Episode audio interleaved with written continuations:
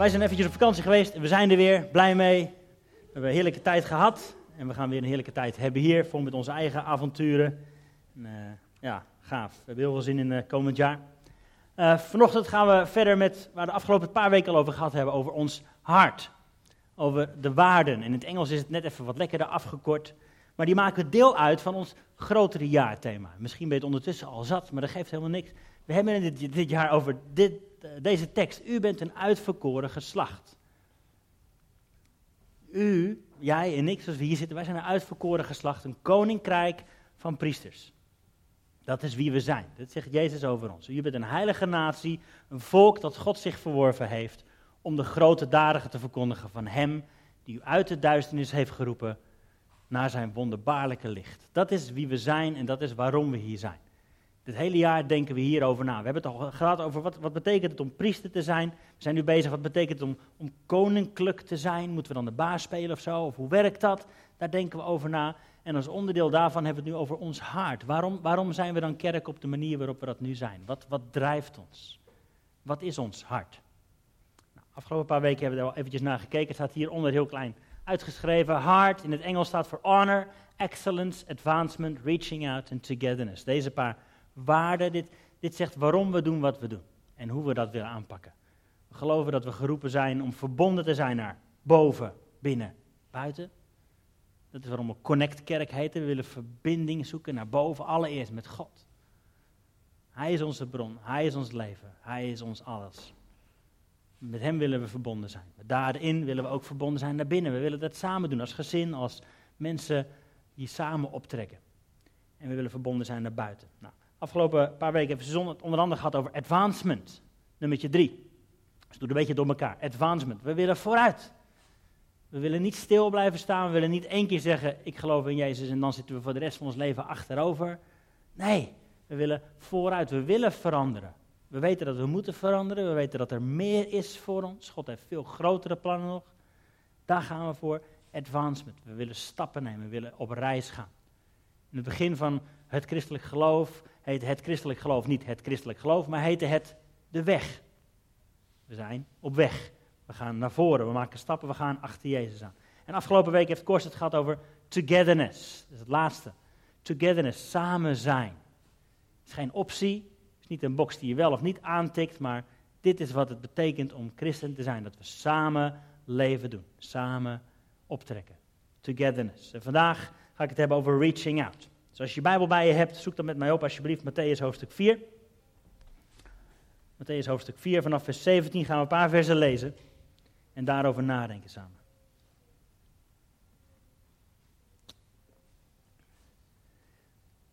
Matthäus 4 vanaf vers 17, dat verschijnt hier ook achter mij, staat het volgende. Van toen af begon Jezus te prediken en te zeggen, bekeer u, want het koninkrijk der hemelen is nabijgekomen.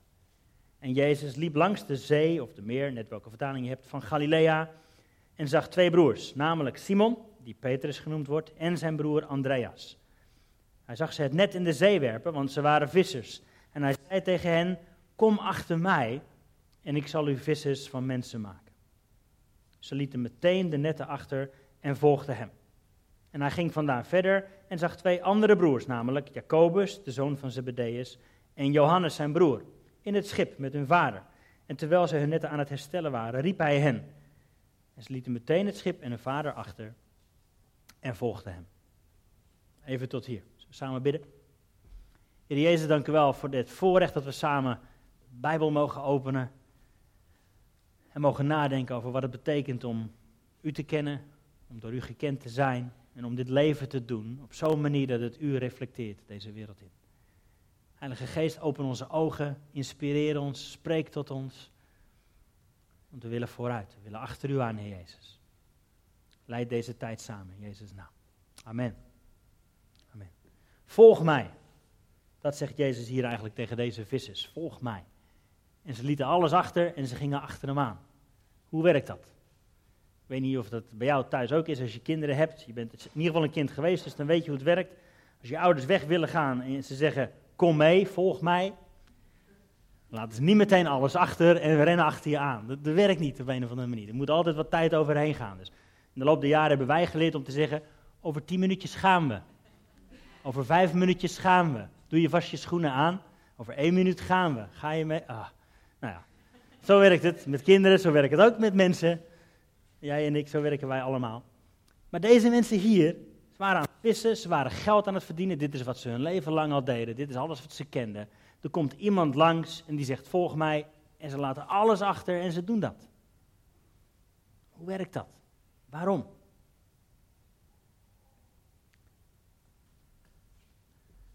In die tijd, als je jongetje was, dan wilde je rabbi worden. 2000 jaar geleden was dat het ultieme. Je wilde rabbi worden. Dan stond je in aanzien, dan had je een tof beroep, dan was je belangrijk, je wilde rabbi worden. En alleen de beste van de beste van de beste van de beste van de klas, die konden rabbi worden. Ik heb vroeger ook wel eens gevoetbald, ik heb het wel vaker gebruikt. En als je voetbalt, ja, dan wil je eigenlijk alleen in het Nederlands elftal natuurlijk. Dat is het doel. Daar ga je voor. Sinds kort willen meisjes ook in het Nederlands elftal, want vrouwenvoetbal, jee. Maar zeker vroeger, in mijn tijd, ja, Nederlands elftal. Klonk niet cynisch, toch? Nee, dat was heel leuk. Nee, ik vond het heel tof. Ze hebben gewonnen, jee. Holland! ik wilde in Oranje, ik wilde het Nederlands elftal halen, maar dat lukte me niet. Er was één jongen uit mijn team en die mocht voor Vitesse voetballen een poosje, maar hij redde het ook niet. Hij kwam weer terug. Ze zijn eventjes wezen kijken voor FC Utrecht voor mij, maar dat ging ook niet door. Ik was niet goed genoeg. Ah, lang niet zo zielig als Floris op zijn krukken, maar ik was ook niet goed genoeg. Alleen de beste van de beste van de beste halen dat uiteindelijk. En er zijn talloze jongens die hun hele jeugd hebben opgegeven om het te proberen, maar ze redden het niet. Nou, dat was daar ook zo. In die tijd, Petrus en zijn broer en Jacobus en Johannes, die wilden rabbi worden. Ze gingen, ze gingen de leren, ze gingen de boeken bestuderen, ze gingen teksten uit hun hoofd leren. Maar alleen de beste van de beste, die werden uiteindelijk rabbi. En de rest, jongens, succes, terug naar huis. Je gaat maar doen wat je vader deed. Je moet visser worden, timmerman, weet ik veel wat. Alleen de beste van de beste. Maar wat er dan gebeurde als een rabbi de klas binnenkwam. Dan keek hij inderdaad de beste van de beste van de klas aan en hij zei, volg mij. Dat was de grootste eer die je kon overkomen. Dat een rabbi tegen je zei, volg mij. Want dat betekende dat hij het in je zag, dat je ook rabbi kon worden. En waarschijnlijk nog wel beter dan hij. Dat is wat het betekende als een rabbi tegen jou zei, volg mij. En daarom is dit bijzonder, dit verhaal wat we allemaal misschien in de kinderbijbel wel gelezen hebben. Dat deze vissers, die dus blijkbaar niet goed genoeg waren, die niet het beste van de beste van de beste van de klas waren, die terug moesten naar een ouder beroep. Je bent niet goed genoeg. Dat de rabbi, Jezus, langsloopt en ze aankijkt en zegt, ja, maar ik zie in jou iets. Jij bent wel goed genoeg. Volg mij. En daarmee kwalificeert Jezus hen. De wereld had ze misschien uitgespuugd, gezegd, jij bent niet goed genoeg, je doet er niet toe, je kunt het niet goed genoeg. Maar deze rabbi kijkt ze aan. Deze mannen die al ver voorbij hun doel waren. En hij zegt, volg mij. Dat was wat ze hun leven lang al hadden willen horen. En daarom was het voor deze vissers niet moeilijk om, om die keuze te maken. Om te zeggen, ja, maar dit wou ik altijd al. Ik laat alles wat ik nu heb achter voor dat ene. En ze gingen hem volgen. Dus dat is een klein beetje achtergrond over waarom deze gasten dat deden. En dan wil ik eigenlijk een beetje meer gaan kijken naar, als we het toch hebben over reaching out, vissers van mensen vissers van mensen. Ik heb er allerlei beelden bij preek over gehoord. Zieltjes winnen enzovoort. Ik kan er niet zoveel mee, maar wat, wat kan ik er dan wel mee? Wat zegt het tegen mij? Nou, allereerst, Jezus had het hier tegen vissers. Jezus had het hier tegen vissers. Hij zegt, ik ga jou vissers van mensen maken. Als hij hier tegen vrachtwagenchauffeurs had gehad, had hij waarschijnlijk zoiets gezegd van, die boodschap die je nu van A naar Z brengt, ik ga jou een bijzondere boodschap geven waar mensen verheugd mee zullen zijn. Als hij het tegen bakkers had gehad, had hij gezegd, ik ga je brood leren bakken dat eeuwig leven geeft. Toen hij tegen de vrouw bij de put had, zei hij, ik heb water waarvan je nooit meer dorst krijgt. Jezus weet wie je bent. En dat gaat hij gebruiken. Je hoeft niet iemand anders voor te doen. Hij weet, als je een visser bent, dan ga ik jou een visser van mensen maken. Als je vrachtwagenchauffeur bent, gaat hij iemand brengen om hoop te brengen naar talloze mensen verspreid over het hele land. Als je maar niet links inhaalt. Dat is verboden, staat in de Bijbel. Als je vrachtwagenchauffeur bent, mag dat niet. Jezus weet wie je bent. Hij weet wat je kunt. Hij weet hoe je gemaakt bent. En dat neemt hij En daarmee gaat hij mee aan de gang. Volg mij en dan maak ik jou. Ons doel, Jezus volgen. En dan maakt hij ons. Stap 1, we hebben straks over reaching out, maar stap 1 is volg Jezus. En dan maakt hij jou, dan vormt hij jou, dan kneedt hij jou, dan kwalificeert hij jou, dan zegt hij, ja, jij bent goed genoeg, wat jij hebt, wat jij kunt, kan ik gebruiken in mijn koninkrijk om anderen te zegenen. Jezus kwalificeert ons, ziet ons en gebruikt wat we hebben. En dan vissers van mensen, wat, wat betekent dat? Ik heb er een, klein beetje aversie tegen, vergeef me, maar we gaan de straat op, we gaan zoveel mogelijk mensen ja laten zeggen op één gebedje. Ik, ik vind het bijzonder dat het gebeurt, ik kan er niet zoveel mee. Betekent dat mensen één keer een gebed laten bidden en dan gaan ze daarna naar de hemel in plaats van naar de hel? Is dat het goede nieuws? Ik heb het hier al eerder gezegd met Pasen. Jezus wist heel goed wat hij deed toen hij met Pasen opstond uit de dood. Want wat vieren die Joden met Pasen? Bevrijding uit slavernij. Dat is wat het opstaan van Jezus betekent. Jij en ik kunnen vrij worden van slavernij, hier en nu. Gaan we naar de hemel? Yes. Maar hier en nu kunnen we vrij zijn van slavernij. Jezus is gekomen, zegt hij, om de werken van de duivel te verbreken. Ik weet niet wie, wie jouw slavendrijver is, maar Jezus is gekomen om zijn werken te verbreken in jouw leven. Dat is wat hij gekomen is om te doen. Is het angst? Jezus wil angst verbreken in je leven.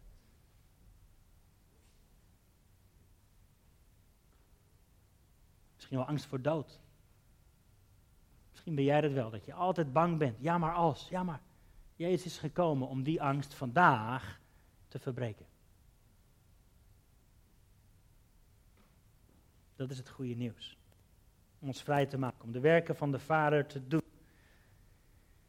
En nogmaals, ik heb niet zo heel veel met vissen.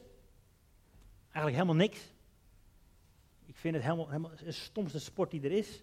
Ik kan me best iets voorstellen bij aan de waterkant zitten met een groepje vrienden en een biertje drinken. Dat snap ik, maar waarom die hengel erbij moet, ik snap het niet. Ik heb er helemaal niks mee.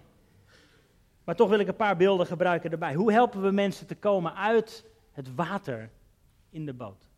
Hoe helpen we mensen die in het water zijn, die onder slavernij gedrukt gaan? Jouw buurman, jouw familielid, jouw vriend, jouw klasgenoot. Hoe helpen we die om uit het water te komen in de boot bij Jezus? Hoe kunnen we die mensen vissen? Hoe kunnen we ze hongerig en dorstig maken? Kors had het er vorige week over bij togetherness. Kerk zijn betekent dat we zout zijn en dat mensen dorstig worden. Dat ze zien, wat jij hebt, dat wil ik eigenlijk ook wel. Dat gebeurt als we in eenheid leven, maken we mensen hongerig en dorstig. Is jouw leven goed nieuws? Maak jij mensen hongerig en dorstig? Wat jij hebt, wil ik ook. Dus nogmaals, Jezus sluit aan bij wie hij roept. Hier praat hij tegen vissers, hij spreekt hun taal. En uh, nogmaals, vissen vind ik niks, maar René wel. Wie kent René uit de kerk? Hij is nu op vakantie. Maar René is een hele goede visser, schijnbaar. En ik heb gevraagd aan hem, jij maakt fantastische foto's en je houdt van vissen. Mag ik jouw foto's gebruiken ter illustratie van wat ik wil vertellen vanochtend? Vond hij leuk? Hij gaat het zelfs terugluisteren. Dus als je luistert, hallo René. Zeg even hallo, heel hard allemaal. Goed zo. Uh, uh, als dank voor het gebruik van je foto's. Foto nummer 1 is water. Uh, foto nummer 1. Hebben we die ook? Ja, volgens mij had hij er wat beter op gekund. Maar goed. Ja, laten we het hier even bij houden. Water. Als je gaat vissen zijn een paar dingen belangrijk. Je kent het water, je kent het aas en je kent je middelen die je inzet. Als je gaat vissen in de zee, dan heb je ander spul nodig. Moet je iets anders, ga je andere vissen vangen. Dus ik, ik weet niet in welk water jij ze elke dag rondhobbelt. Waar kom jij? Op school of op je werk? Wat, wat voor water is dat? Is het zoutwater? Is het zoetwater? Zijn mensen bekend met het verhaal? Zijn, hebben ze aversie? Is, wat, wat, wat, wat voor sfeer hangt daar? Ik geloof dat waar een visser in het water stapt, dan verandert iets in het water. Als jij en ik binnenkomen, verandert er iets in die atmosfeer.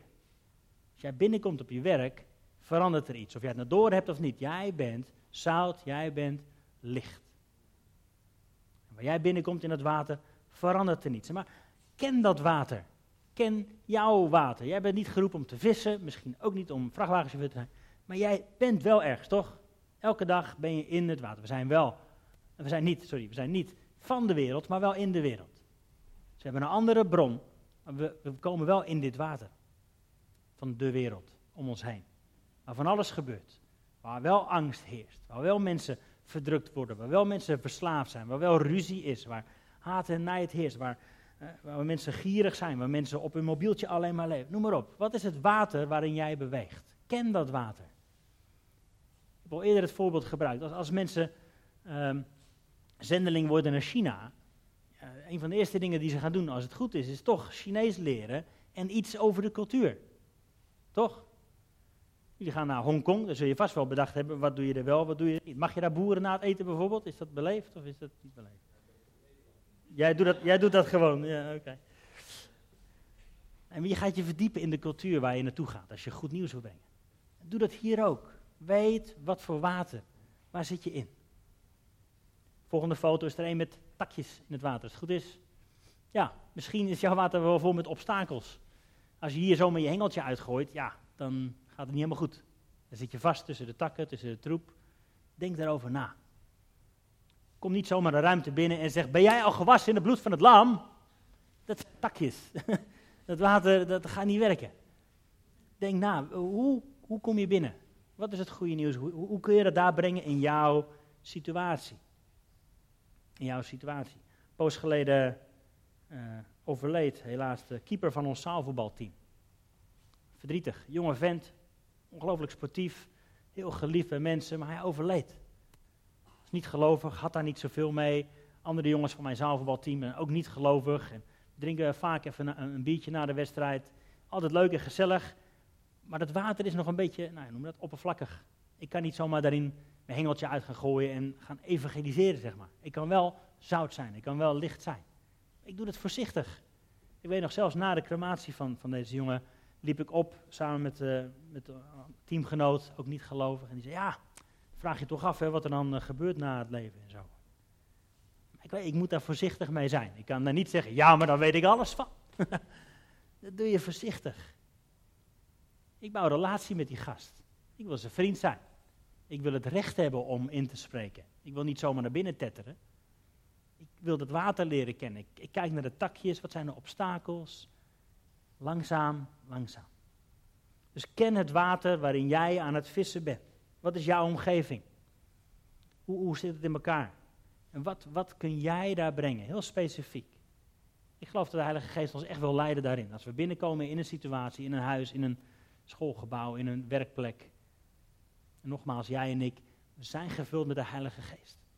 Als je Jezus volgt, wil hij je vullen met zijn Heilige Geest. En er verandert er dus iets. Want waar jij komt, komt leven binnen, komt hoop binnen, komt waarheid binnen. Doe dat samen met hem. Dat is al stap 1 van reaching out. Ken, ken de plek waar je naar binnen gaat. En weet wat jouw rol daarin gaat zijn. En vaak denk ik dat we als christen te veel op de achtergrond zijn. Of te veel op de voorgrond op een rare manier. of te veel op de achtergrond dat we denken, ja, maar wie ben ik nou? Nee, je bent uitverkoren geslacht. Je bent een koninklijke priester. Dit is wie je bent. Dit is je identiteit. Je vader houdt van je, is bij je, is met je, is voor je. En hij wil je gebruiken om leven te brengen. Dus ken het water waarin je vist. Ken je vissoort. De volgende. Hij houdt van vissen, dat zie je. Nee, hij kijkt echt verliefd naar dat beest. Ongeveer even groot als René zelf wel bijzonder. Ken je vissen? Maar wat ik mooi vind, als je de volgende foto ziet, zie je hem ook weer kijken naar die vis. Hele andere vis trouwens. En, en de volgende foto ook. Zie je hem ook weer, je ziet hem glimmen, die gozer. Hou jij van je vissen? Hou je van de mensen om je heen? Ik vraag niet, ben je het eens met alles wat de mensen om je heen doen? Ik vraag niet, keur je alles goed wat die mensen doen? Nee, hoeft helemaal niet. We zijn geroepen om lief te hebben, om te houden van. We zijn niet geroepen om met een wetboek rond te gaan en te zeggen: Jij bent goed genoeg. Jij... Nee. Nee. De hele Bijbel staat vol met verhalen waarin God de eerste stap zet. Waarin Jezus de eerste stap zet. Door te houden van ons. Toen Adam en Eva gezondigd hadden, zei God niet: Zoek het nu maar uit. Nee, waar, waar ben je? Waar ben je? Als wij het verknallen, zet God de eerste stap. Waar, ben je? Hij wacht niet tot, tot wij misschien weer ooit goed genoeg zijn en tot hij ons weer kan goedkeuren voordat hij naar ons op zoek gaat. Nee, God zet de eerste stap door te houden van ons. Hou jij van de mensen om je heen? Hou je van, dat vind ik zo mooi aan de foto's van René, stuk voor stuk, al die foto's met die rare vissen. Ah, je ziet hoe, hoe dol die daarop is. Nou, voor mij is het een heel mooi beeld. Hou ik van de mensen om me heen? Als we het hebben over reaching out, hoe kunnen we naar buiten treden? Hoe kunnen we verbonden zijn naar buiten? Altijd de eerste vraag, hou je van die mensen? En dat kan alleen als je weet dat God van jou houdt. Je hoeft niet uit een andere bron te putten dan die onuitputtelijke bron van Jezus. Van zijn liefde. Je kunt uitdelen van wat hij je gegeven heeft. Wat je zelf niet ontvangen hebt, kun je niet geven. Kun je niet geven. Ik weet nog dat toen wij in, uh, ja, is dat een mooi woord voor? Pre-marriage counseling, of hoe heet dat? Voordat we gingen trouwen hadden we gesprekken met mensen. En een van de dingen die ik daarvan onthouden heb is, we hebben allemaal een tonnetje waarvanuit we proberen uit te delen.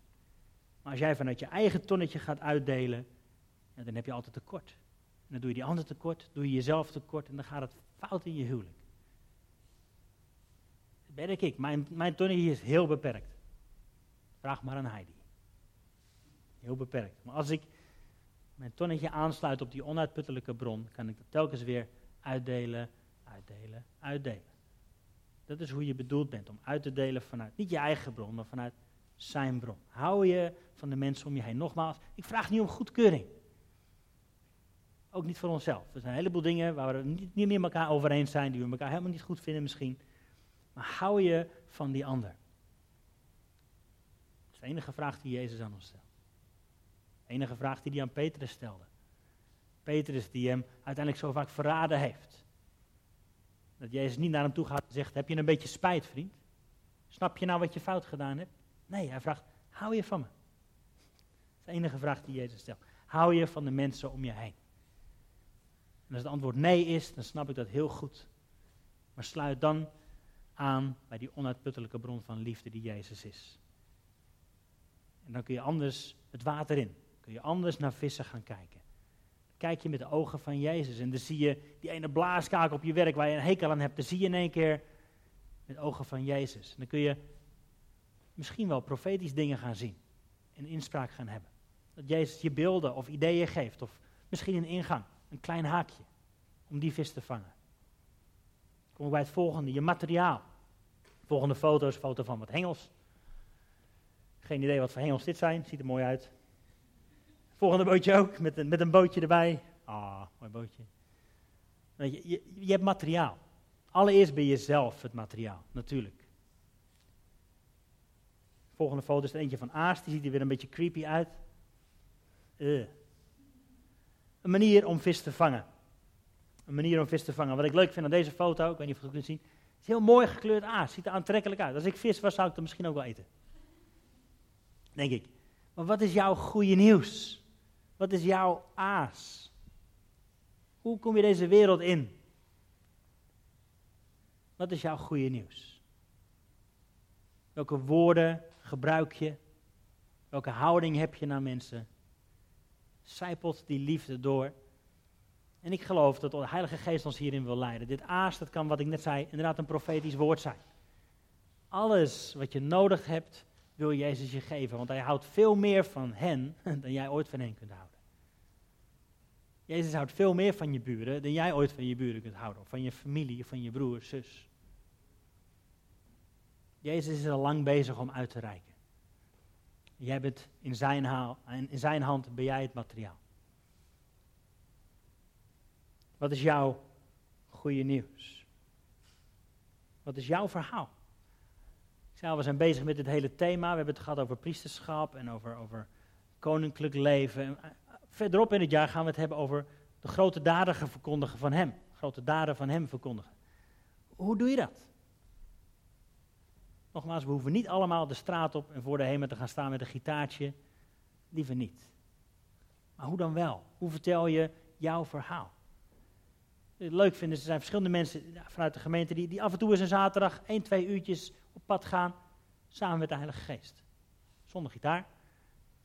Samen met de Heilige Geest. En gewoon vragen, wie, wie mag ik aanspreken met welk aas? Heeft u een woord of een gedachte of een, of een beeld of een idee? Of, waardoor ik iets kan aanraken en mensen iets meer kan wijzen op de liefde van Jezus. Wat voor materiaal? Wat is jouw verhaal? Gaan we later mee aan de gang. Maar denk er eens over na. Wat, wat voor verhaal heb ik te vertellen? Hoe kan ik getuige zijn van de hoop die in mij leeft? Misschien heb je zo'n filmpje wel eens gezien. Ik vind het altijd tof, omdat ik hou van kort en krachtig. Dus daarom ben ik al bijna klaar. Maar tijdens de kerkdienst verschillende mensen, een stuk of 20, 30, 40 mensen die naar voren lopen met een kartonnetje met op de ene kant een woord en op de andere kant een woord. Ik was gebroken, maar nu ben ik genezen. Ik was verslaafd, maar nu ben ik vrij. Wat is jouw verhaal? Wat is er omgekeerd in jouw leven toen jij Jezus ging volgen? Wat is er veranderd in jouw leven? En misschien ben je nog lang niet klaar en weet je dat zelf heel goed. Join the club. Niemand is af. Niemand is af. Maar wat is jouw verhaal? Wat heb je ze vertellen? Wat heeft, wat heeft Jezus in je leven gedaan? En het hoeft geen ongelooflijk grote reddingsactie te zijn. Maar wel dat je misschien weet, eerst was ik alleen, maar nu heb ik een familie. Weet je hoeveel mensen alleen zijn? En voor wie dat een verhaal is dat hun leven op hun kop kan zetten. Dat er een familie is, dat er mensen zijn die op ze wachten, die voor ze zijn, die ze omarmen, ondanks. Ondanks. Nogmaals, je hoeft niet overal mee eens te zijn, niet alles goed te keuren. Dit is hoe je kunt uitreiken. Reaching out is op deze manier onderdeel van wie Connect Kerk is. En ik hoop ook van wie jij wilt zijn. Van wie jij bent. Ken je het water? Ken je aas? Ken je materiaal? Ken je vissen? Laat je het volstromen met liefde om uit te delen. En nog voordat wij begonnen met diensten, drieënhalf jaar geleden kwamen we samen met een klein clubje om hardop te dromen. God, zou het niet tof zijn als we ooit een, gebouw hebben, liefst midden in Ede voor mijn part, van waaruit we mensen kunnen gaan zegenen. Waar het een binnenkomen en naar buiten stromen is van mensen die vanuit Gods liefde uitdelen. Waar mensen met een nood binnen kunnen komen voor liefde, voor aandacht, voor genezing, voor redding, bevrijding. Zou het niet fantastisch zijn als er zo'n gebouwtje is? Waarvanuit we dat kunnen gaan doen. dat is een droom, we dromen nog steeds van. Daar gaan we voor. Kijken waar we stappen kunnen zetten, hoe we dat kunnen realiseren. Maar ondertussen doen we niet niks. Ondertussen kunnen we gastvrij zijn. Hier. Een paar maanden geleden waren wat studenten van de Christelijke Hogeschool Ede, die hebben er onderzoek naar gedaan. Hebben ze gevraagd, kijk nou eens, hoe, hoe gastvrij zijn we hier? Voelen mensen zich welkom? Voelen mensen zich gezien en thuis? En, en wat gebeurt er dan als mensen zich thuis voelen? Hoe, hoe sluiten mensen dan aan? Hoe, enzovoort, enzovoort. En ze hebben daar een flinke boekwerk over geschreven, 100 pagina's. Als je het leuk vindt, mail me eventjes, dan mail ik hem naar je door. Even wat te lezen. Maar een van de zinnetjes, en dat vond ik heel mooi. Ze hebben ook wat literatuurstudie gedaan. Hoe werkt dat met kerken en, en noem maar op. Een van de zinnetjes die me bij is gebleven is dat erin stond: gastvrijheid is een doel op zich. Bij God is gastvrijheid een doel op zich. Mooi hè? Hoe gastvrij zijn wij als kerk? Heel belangrijk. Dat kun je heel makkelijk doen al door naar de dienst naar iemand toe te stappen die je niet zo goed kent en gewoon te investeren in relatie. Te vragen, te bemoedigen, te glimlachen. Heel makkelijk. Doe het maar eens, een dag lang. Glimlachen. Hoe gastvrij zijn, hoe gastvrij ben jij thuis? Een van de eerste vereisten voor leiders in de Bijbel is, ze moeten gastvrij zijn. Ze moeten een open huis hebben waar mensen zich welkom voelen, waar mensen mogen binnenkomen gastvrij ben je? We hebben hier uh, tot nu toe één keer in de maand aan tafel gedaan. Elke laatste zondag van de maand gingen we samen eten. Leuk, gezellig. Zeker in het begin was het echt heel tof. En na verloop van tijd merk je, hé, hey, maar het wordt wat minder. Het eten wordt wat minder en misschien moeten we een andere vorm gaan kiezen. Geeft niks, het is geen wet op zich.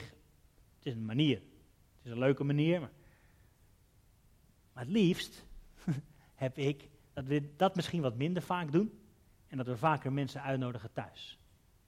Koop zaterdagmiddag, voordat je, uh, als je boodschappen gaat doen, alvast wat extra lunch in voor zondag, zodat je kunt zeggen tegen mensen, hé, hey, nieuw hier, leuk, vind je het leuk om mee te lunchen straks? Ik heb genoeg. Hoeft niet elke week, doe het dus één keer in de twee maanden. Dan doe je het waarschijnlijk al vaker dan nu, toch? Kleine stapjes. Hoeven niet de hele wereld te redden. We kunnen wel gastvrij zijn. We kunnen investeren in relatie met anderen. Dat is ook al reaching out. Hoe gastvrij, hoe verwelkomend ben je? Zie je anderen? Hou je van vissen? Weet je in welk water je bezig bent? wat is je materiaal? Welke unieke gift heeft God jou gegeven? We hoeven niet allemaal op elkaar te lijken. Maar wat jij hebt is uniek. Geef het. Durf het te geven, omdat je put vanuit een onuitputtelijke bron. Zullen we gaan staan? Ik afsluiten met een kort gebed.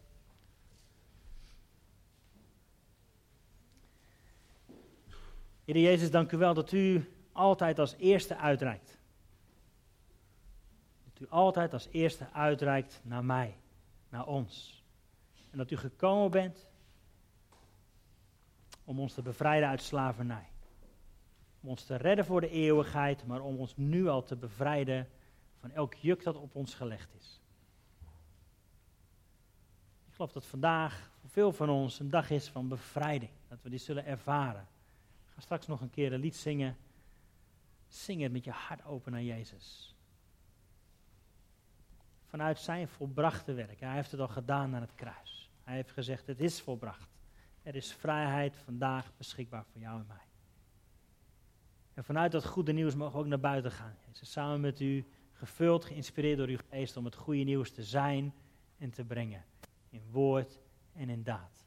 Inspireer ons, Heer. Vul ons. We bidden voor unieke momenten deze week waarin we heel bewust zullen zijn van uw leiding. Als we iemand zien dat we in één keer aan een woord moeten denken. Als we aan het bidden zijn, stil zijn, dat we in één keer een telefoonnummer misschien krijgen. Maar spreek tot ons deze week. Hoe kunnen we eenvoudig vissen? Welke hengels heeft u ons gegeven? Welke vissen zitten in ons gebied? We willen uw goede nieuws verspreiden. Het goede nieuws van de liefde van Jezus. Van zijn vergeving, redding, genezing, bevrijding.